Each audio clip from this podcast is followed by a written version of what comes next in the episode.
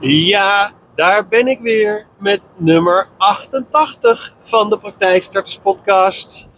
Ik, heb er, ik ben helemaal enthousiast. Ik zit er dus ouderwets in de auto. eh, onderweg naar Voorschoten, naar mijn eh, goede vriend, tandarts en mede-teamlid voor ons eh Alp d'Huez avontuur op 6 juni, Reza Farsi. En ja, ik, had, was zo enthousiast, eh, dus ik denk, nou, ik ga gewoon een podcast opnemen ook. En waarom ben ik zo enthousiast? Het gaat gebeuren.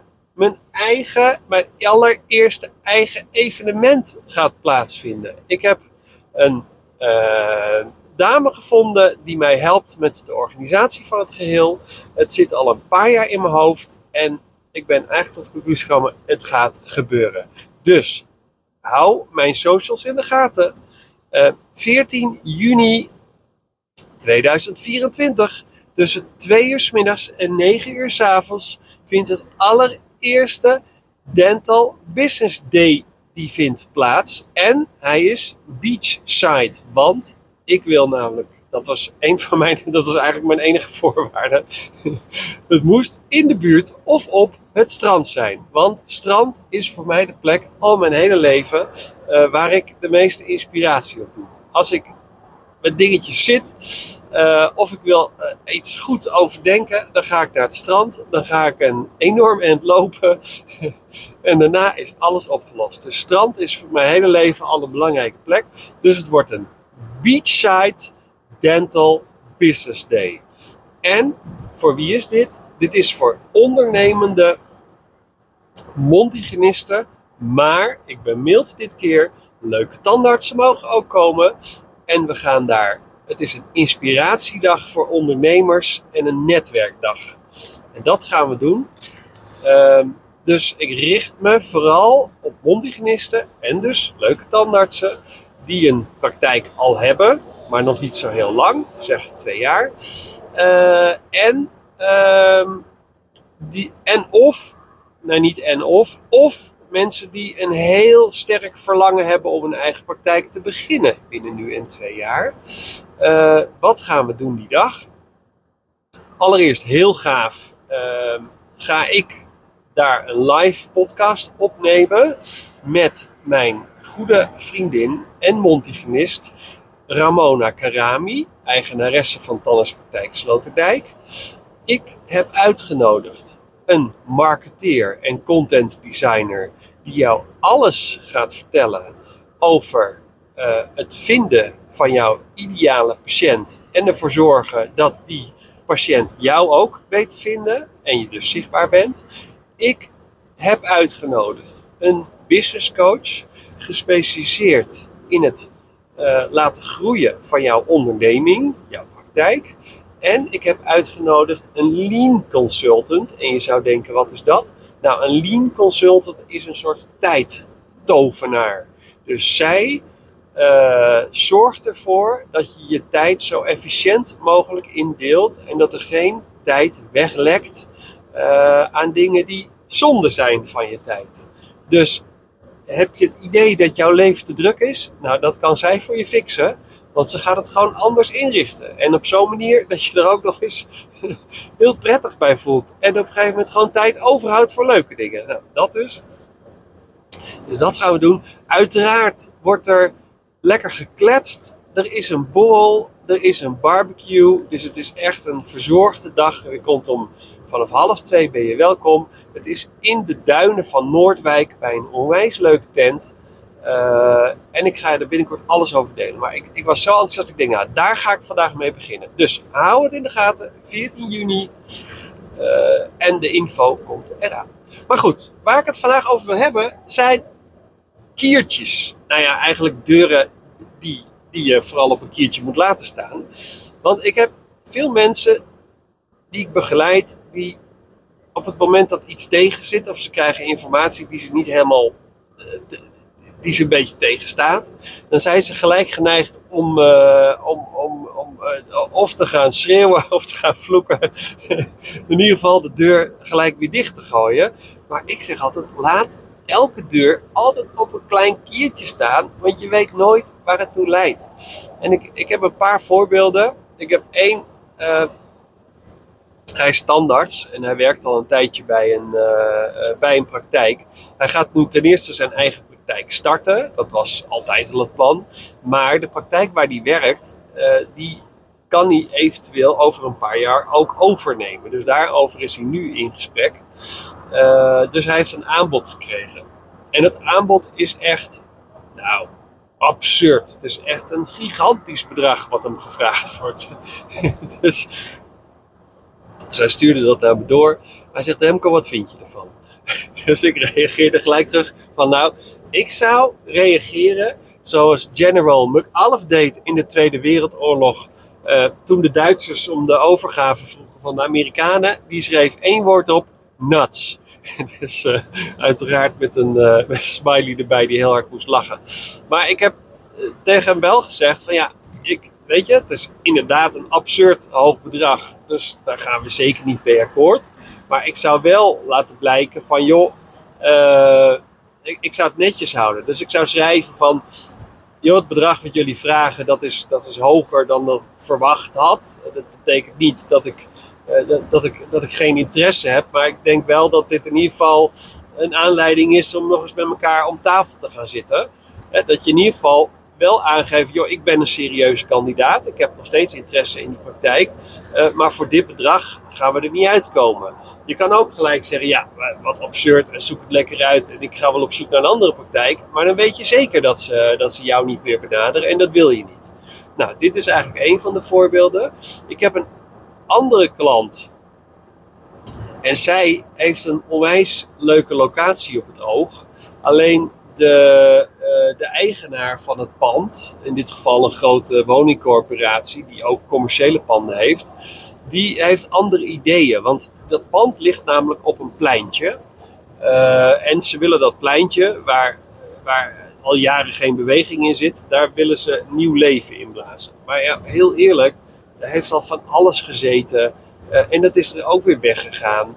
Uh, dus zij zegt van, joh, voor mij is het ideaal, want er zitten daar... Ze heeft al een, een, een, locatie daar in de buurt, maar die is eigenlijk een beetje te klein. Dus ze wil eigenlijk de hele boel verhuizen naar die nieuwe locatie. Ze zegt, voor mij is het ideaal, want op deze plek kan ik tenminste uitbreiden met kamers. Uh, en het zit nog steeds in de buurt van, van waar mijn patiënten wonen. Dus ik zou heel graag daar willen zitten.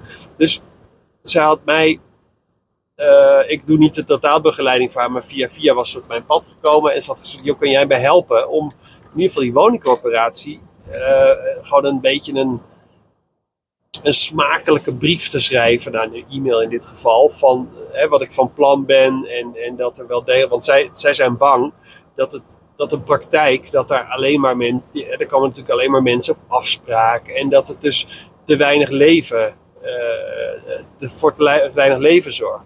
Dus ik had echt een onwijs mooie mail geschreven. echt, uh, van ja, en, en dit heb ik van plan en dit gaan we doen. En er lopen dagelijks mensen in en uit met vragen en dit en dat. Dus om aan te geven dat er eigenlijk heel veel beweging zit in een praktijk als die daar gaat, zich gaat, daar gaat vestigen. En dat het goed is voor de buurt, want het, het, draagt bij uiteindelijk aan, aan de gezondheid. Nou, dus kreeg van de week kreeg een reactie van de, eh, van de woningcorporatie terug. Die zegt van nee, we willen daar toch geen praktijk hebben. Want we hebben, wat we in gedachten hebben is, is dat er meer uh, ambachten zich vestigen. Dus een slager, een bakker, een groenteman. Uh, de schoenenreparatie, nou eigenlijk het standaard riedeltje wat je dan daar vaak ziet. Maar weet je, het ding is, die hebben daar al in het verleden gezeten. Uh, en die zijn allemaal weer vertrokken. Dus het is leuk dat die, dat die woningcorporatie dit wil. En waarschijnlijk hebben ze dat ook met de gemeente natuurlijk overlegd. Um, maar ik denk, en zij denkt ook, dat dit niet zo gaat werken. Dus ze was eigenlijk een beetje pissig op de reactie. En ze ja, kunnen we niet naar de leidinggevende van deze man? Kunnen we die naar de gemeente? En nou ja, dus ik heb tegen haar gezegd, ik zei, ja, weet je, ja, we kunnen proberen naar de leidinggevende te gaan. Maar ik had alleen de e-mail gezien uh, dat er iemand in CC stond van die, van die organisaties. Ik zeg, nou, dat zou ook zomaar de leidinggevende van deze bank kunnen zijn. Ik zeg, ja, en het is hun pand. Weet je, dus de gemeente die kan er niks anders aan doen dan er een bestemming aan hangen. En, en die bestemming die zit er al op. En je mag daar ook praktijk vestigen. Dat laat de bestemming in ieder geval toe. Um, dus helaas zijn we een beetje overgeleverd aan deze partij. Dus ik zeg, en zij dacht gelijk van, oh ja, ik ga, ik ga hoog van de toren blazen. Ik zeg, nou, ik denk niet dat dat werkt. Dus ik, zeg, ik zou tegen deze man zeggen van joh, hè, wat jammer en ik had echt gehoopt en, en uh, joh, ik kom het graag nog eens uitleggen persoonlijk om er nog wat, wat meer aan te geven hoe dat er nou precies uitziet en wat ik van plan ehm, ben. En dan, ehm, nou, mocht het nou niet lukken met, met wat jullie van plan zijn, ambachten, kan je mij dan in ieder geval op de lijst houden als geïnteresseerde. Dus, en, en daarmee, weet je, ik denk namelijk dat deze nee voor nu nog een nee blijft. Maar wat ik probeer is in ieder geval uh, on speaking terms te blijven. Dus als hun plannen alsnog wijzigen, dat ze in ieder geval weten: hé, hey, we hebben uh, nog een huurder of een geïnteresseerde om te huren.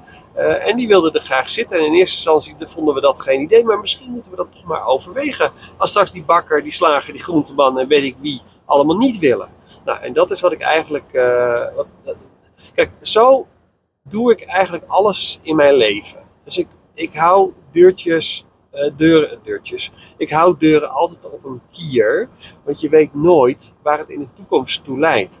Tuurlijk, ik smijt ook wel eens een deur dicht, maar dat doe ik alleen als ik vind dat mij echt, als ik, als ik mij onrecht is aangedaan. Of als ik ben belazerd. Weet je, dan gaat er een deur dicht. En soms doe ik ook bewust een deur dicht. Ik had, had een poosje terug een, uh, uh, werd ik benaderd, dat was ook een tandarts. En die had een praktijk ter overname gezien. En daar werd 525.000 euro voor gevraagd. En ik heb daar eens even goed naar gekeken. En gekeken naar wat dan realistisch is. Maar ik kwam op een realistisch bedrag van 3,5 ton. En misschien 4. Nou, en ik weet nu al dat als ik dat aanbied bij de, uh, bij de adviseur van de verkopende partij, nou, dat, dat ze daar geen interesse in hebben. Dus ik, ik heb dat inderdaad ook aangeboden. En het eerste wat, wat de adviseur zei van ja, sorry, maar dat, dat nemen we niet serieus. En ik, ik zou tegen hem ja, zeg, ja, dat snap ik, maar die prijs is gewoon te hoog. Dus dit is wat we willen. Uh, dus ja, mocht je niemand vinden, dan, dan weet je dat wij in ieder geval deze richting op willen. Nou, weet je, dan hou ik nog de deur op een kier, maar ik weet al dat het nergens toe gaat leiden. Maar ik weet ook dat, ik, dat er uiteindelijk uh, een tandarts op staat en waarschijnlijk een jonger iemand die zich niet laat adviseren, uh, die wel, die zal nog geen 5,25 betalen. Maar ja, als hij straks voor 4 50 kan kopen of voor 4,75 kan kopen, dan dekt die tandarts, man of vrouw, hé, hey, ik heb een vet goede deal. Is absoluut geen vette deal. Maar ja, als je je niet laat adviseren en de hulp inroept van een expert, ja, dan moet je het zelf maar weten. Maar goed, de adviseur van de verkopende partij, die weet ook dat dit gaat gebeuren. Hij, hij weet ook dat deze praktijk uiteindelijk weggaat voor 4,75. Um, dus waarom zal die in godsnaam mijn maximale 4 ton accepteren? Uh, want uiteindelijk is hij er niet bij gebaat, want zijn commissie is gebaseerd op de verkoopprijs. En de verkoper dan is er ook niet bij gebaat, want die vangt liever ook 4,75 dan, dan 4 ton of 3,5 ton. Nou, en zo, weet je, je danst altijd een beetje met die situatie. Uh, en, en ondanks dat ik hier wist van, joh, hier doen we gewoon wel de deur dicht. Maar dat heel eerlijk, om, om mijn klant te beschermen, was dit ook de beste optie. En ik zeg van, joh, we moeten gewoon verder op zoek. En het liefst op zoek naar een praktijk uh, die nog onder de radar zit, zeg maar. Die, die nog niet door een adviesbureau wordt aangeboden. Want dan krijg je tenminste nog een eerlijke prijs. Want dan heeft waarschijnlijk de accountant de prijs berekend. En die zal eerlijker zijn dan dat er een commercieel uh, bedrijf tussen zit. Wat, wat, wat gespecialiseerd is op het gebied van tandheelkunde.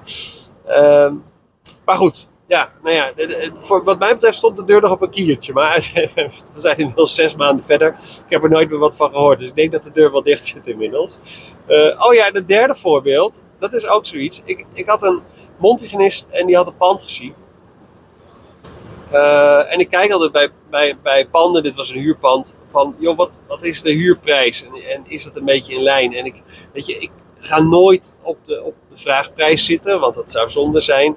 En in dit geval was de, de vraagprijs uh, voor, voor de huur was 2000 euro per maand. Uh, dus ik had daarnaar gekeken en meestal ga ik ergens tussen de 20 en 15 procent daaronder zitten. Uh, omdat ik weet dat dat, uh, dat het in ieder geval nog realistisch is voor de verhuurder. Uh, of voor de makelaar die er dan weer tussen zit. Uh, en, en weet je, ik zal waarschijnlijk dat bedrag niet krijgen. Maar ze weten in ieder geval dat ik serieus, of dat we serieus zijn om dat, om dat pand te gaan huren. Uh, dus ik wil weet je wat ik wil? Ik wil aan tafel blijven. Dat is eigenlijk het belangrijkste. Uh, dus ik zeg van joh, ik stel voor dat we op 1675 inzetten. Uh, ik zeg dan gaan we waarschijnlijk geen 1675 krijgen. Maar als we daarmee op 1750 uitkomen, want daar wil ik eigenlijk heen. Uh, dan denk ik dat we een hele goede deal hebben. Want die huurprijs was al niet heel slecht. 2000 euro voor dat pand was niet een hele slechte prijs. Dus waarop zij zei van ja, ik wil inzetten op 1400 euro. Dus ik zeg, nou, dat vind ik goed, dat mag je doen. Ik zeg maar, ik denk dat daarmee de deur gelijk dicht gaat en je niet wordt gezien als serieuze kandidaat. Uh, en je gelijk dan ook weg bent. Hè? Dan, dan, dan kom je ook niet meer binnen. Uh, ik zeg, hou daar rekening mee. Dus, dus nou ja, zij zei alsnog van nee, ik wil inzetten op 1400 euro. En als ik hem dan niet krijg, dan, uh, dan, dan, is het maar wat het is. Nou, dus ik zeg prima. Uh, maar dan wil ik wel dat je de. Ik zeg, ik maak een script voor de mail die je kan sturen naar de makelaar. Met die 1400 euro erin. Maar ik wil wel dat je hem zelf verstuurt. Ik zeg, want ik sta erom be bekend in de markt dat ik, dat ik alleen uh, reële bedragen aanbied, zeg maar. Ik zal nooit het onderstel uit kan vragen, want ik geloof namelijk niet dat het onderstel uit kan. Uh, want dan gaan mensen je ook zo behandelen. Dus ik zoek al, altijd naar een reële middenweg voor beide partijen. Reëel voor mijn klant. Absoluut. Hoe lager, hoe beter. Dat is natuurlijk altijd het geval. Maar je moet ook kijken naar de andere partij. Wat nou als jij zelf de verhuurder zou zijn? Of jij zelf de verkoper van een praktijk zou zijn? Wat zou je dan zelf reëel vinden, redelijk vinden? Om als aanbod te krijgen. En daar kijk ik ook naar. Ik zeg, en ik vind 1400 euro in verhouding tot de 2000 die ze nu vragen, vind ik echt een absurd lage prijs. En ik zou dat als verhuurder niet serieus nemen en niet eens met je verder willen praten. Dus ik zeg, stuur die mail dan daarom ook vooral zelf. Want ja, ik, ik, heb, mijn naam, ik heb moeite gedaan om, om mijn naam op te bouwen. En die wil ik graag ook gewoon ook serieus houden in de markt. Nou, ze heeft die mail gestuurd uh, uit eigen naam met die 1400 euro. Nou, en dat gebeurde dus inderdaad. Ze kregen een mail terug van de makelaar van, uh, ja sorry, maar dit is echt zo absurd laag. Dit gaan we niet serieus nemen en uh, bedankt. we gaan op zoek naar een andere kandidaat. Nou, bam, en de deur staat dicht. nou, en daarna heeft ze nog wel geprobeerd om het te lijmen. Uh, maar ja, die makelaar gaat toch verder met, uh, met andere kandidaten. En we hadden inderdaad gewoon wat hoger moeten inzetten. En dat geeft niet, weet je, alles is een leerproces uh, voor iedereen. En, en dit, is, dit is hoe situaties gaan.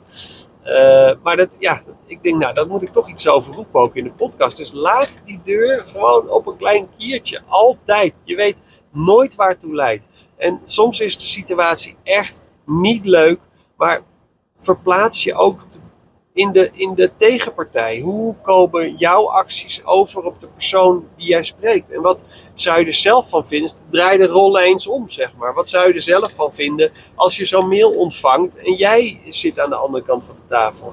En zolang je, uh, zolang je dat in gedachten houdt en je er altijd bij nadenkt van wat zou ik hiervan vinden als ik dit zou ontvangen, dan kom je al een heel eind. Want je wil namelijk een bepaalde gunning creëren, een bepaalde sympathie creëren. Dat mensen echt denken van hé, hey, het is weliswaar niet helemaal in de richting die ik in gedacht had. Maar ik vind die Remco of wie dan ook gewoon wel een sympathieke vent. En ik gun het hem wel. Dus kunnen we niet kijken waar we dan met z'n tweeën een middenweg kunnen vinden die voor beide partijen interessant is.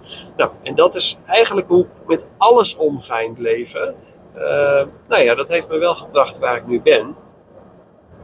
Uh, en heeft me ook heel veel dingen opgeleverd, omdat mensen mij dan toch benaderen achteraf van hey, we willen toch wel verder met jou in gesprek. En ja, we hebben inderdaad, ik heb ook een keer praktijk voor iemand geholpen met de aankoop. En we waren absoluut niet de hoogste bieder. Um, maar we kregen hem wel op basis van gunning, hebben we hem naar ons toegetrokken. Nou, en daar ben ik naar op zoek, die middenweg. Uh, ja, en dit wilde ik erover kwijt. Dus het, ja, het is weer langer geworden dan ik wilde, maar ik denk wel dat het een heel interessant verhaal is. Zeker op het gebied van ondernemerschap, dat dit echt wel dingen zijn waar je altijd rekening mee moet houden. Want ja, als je de gunning aan je kant hebt, dan is de kans groot dat je de deal alsnog weet te sluiten, op wat voor manier dan ook. En dat is precies wat je wil. Nou, en daar stop ik mee voor vandaag. Dus uh, ik zeg tot de volgende podcast.